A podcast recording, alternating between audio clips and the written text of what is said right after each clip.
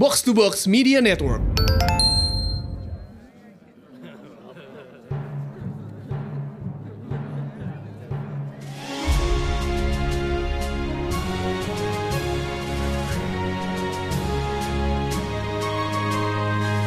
Perhatian, perhatian. Dongeng Paman Geri akan segera dimulai. Semua anak dipersilahkan untuk berkumpul. Halo, halo, halo adik-adik. Ya, sekarang ketemu lagi dengan Paman Geri di Dongeng Paman Geri. Ah, Adik-adik tahu kan kalau Paman Geri itu juga senang sekali untuk bisa bernyanyi. Tapi ya gitu, kadang-kadang kalau Paman Giri nyanyi, semua hewan-hewan peliharaan tetangga pada ngamuk. Yang guguknya pada menggonggong, kucing-kucing juga pada mengeong semuanya. Mungkin suara Paman Giri mengerikan ya. Aduh, ah, tapi ngomong-ngomong tentang menyanyi dan juga main musik, em, pernah nggak kalau misalnya adik-adik ada juga yang pernah mengambil kursus musik atau belajar nyanyi, terus waktu mau pentas atau waktu mau show gitu suka deg-degan nggak? Iya, ini ada satu cerita tentang seorang putri yang pinter sekali main alat musik, tapi kurang pede. Kenapa ya? Kita dengerin yuk.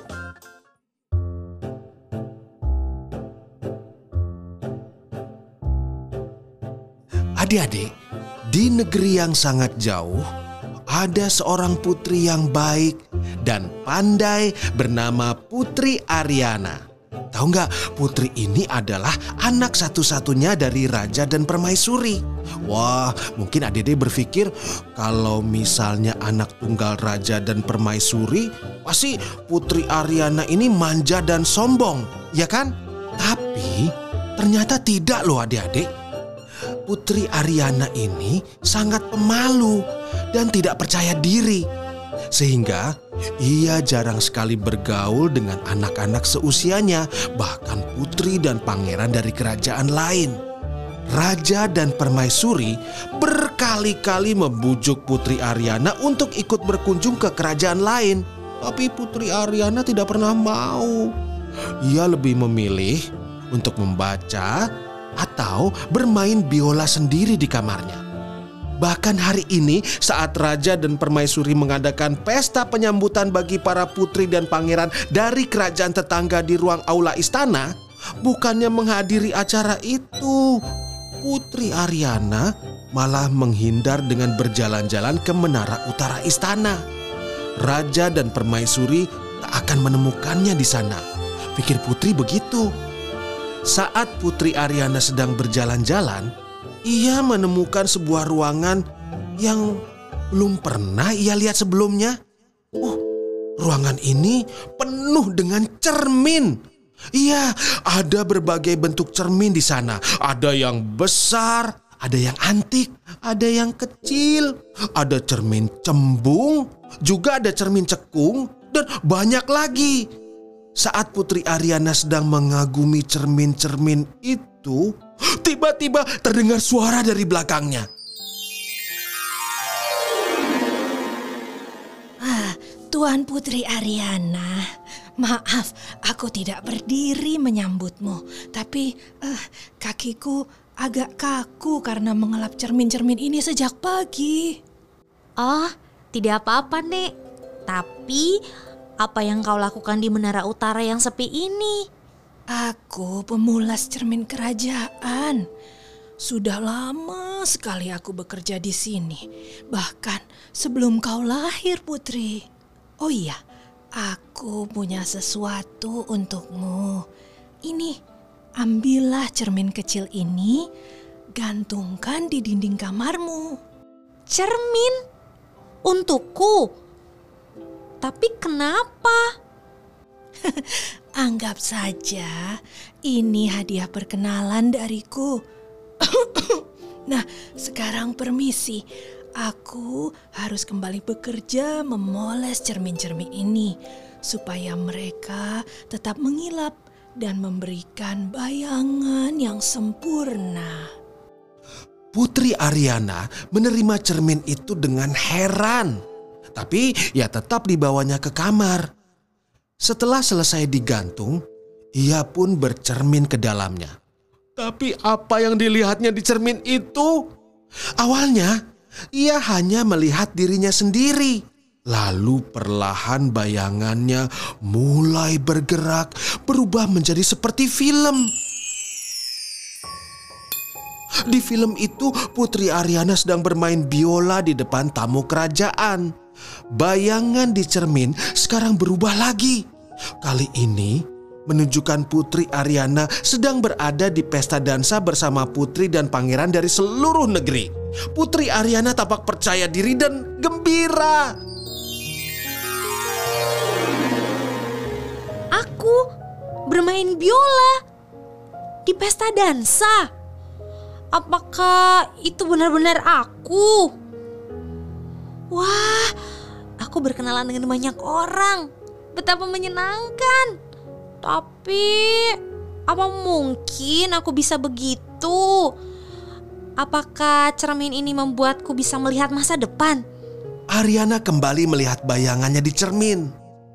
Sekarang bayangan itu menunjukkan ia sedang pergi ke gedung pertunjukan menonton teater bersama teman-temannya. Wah, sepertinya menyenangkan ya punya banyak teman. Kalau cermin ini menunjukkan masa depan, berarti aku akan main biola di kunjungan para tamu negeri seberang. Tapi acara itu kan hari ini. Wah, aku harus segera bersiap-siap. Putri Ariana mulai menyiapkan gaun dan sepatu yang akan dipakainya. Bahkan tanpa minta bantuan para dayang-dayang.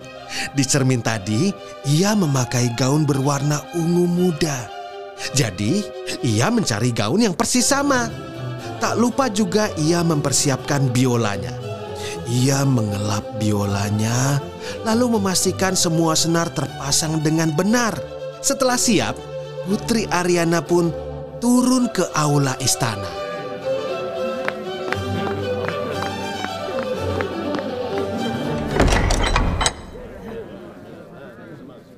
Wah, semua orang di aula terpana melihat Putri Ariana masuk ke ruangan.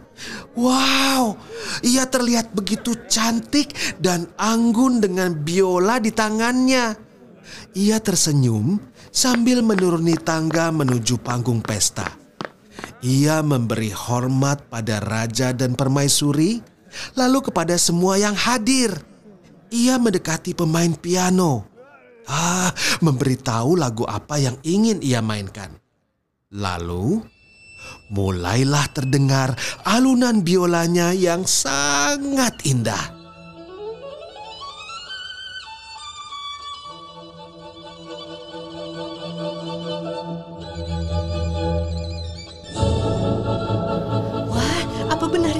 Ariana? Wah iya, dia pandai sekali bermain biola. Sangat percaya diri Benar Putri yang mengagumkan. Wow. Wah, semua tamu yang hadir sangat terkesan dengan penampilan Putri Ariana. Raja dan permaisuri merasa bangga sekali dan menghampiri Putri Ariana. Setelah itu, Putri Ariana bahkan terlihat berbaur dengan para tamu, berbincang-bincang dengan sangat percaya diri dan anggun. Saat tiba acara makan malam, Putri Ariana duduk di antara raja dan permaisuri. Ia pun dengan bersemangat bercerita tentang cermin ajaib yang diberikan oleh nenek pemulas cermin di Menara Utara. Eh, tapi putriku, tidak ada pemulas cermin kerajaan di istana ini. Ruang cermin memang ada. Di situ tempat aku menyimpan semua cermin pemberian dari kerajaan lain. Tapi tidak ada yang khusus bertugas mengelap dan memulas cermin-cermin itu. Jadi, siapa yang memberikan aku cermin itu, Ayah? Siapa nenek tua yang baik hati itu? Raja dan Putri Ariana saling melihat dengan wajah bingung.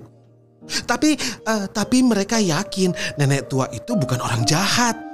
Ia malah telah membantu Ariana menemukan kepercayaan dirinya dengan memberikan cermin ajaib itu.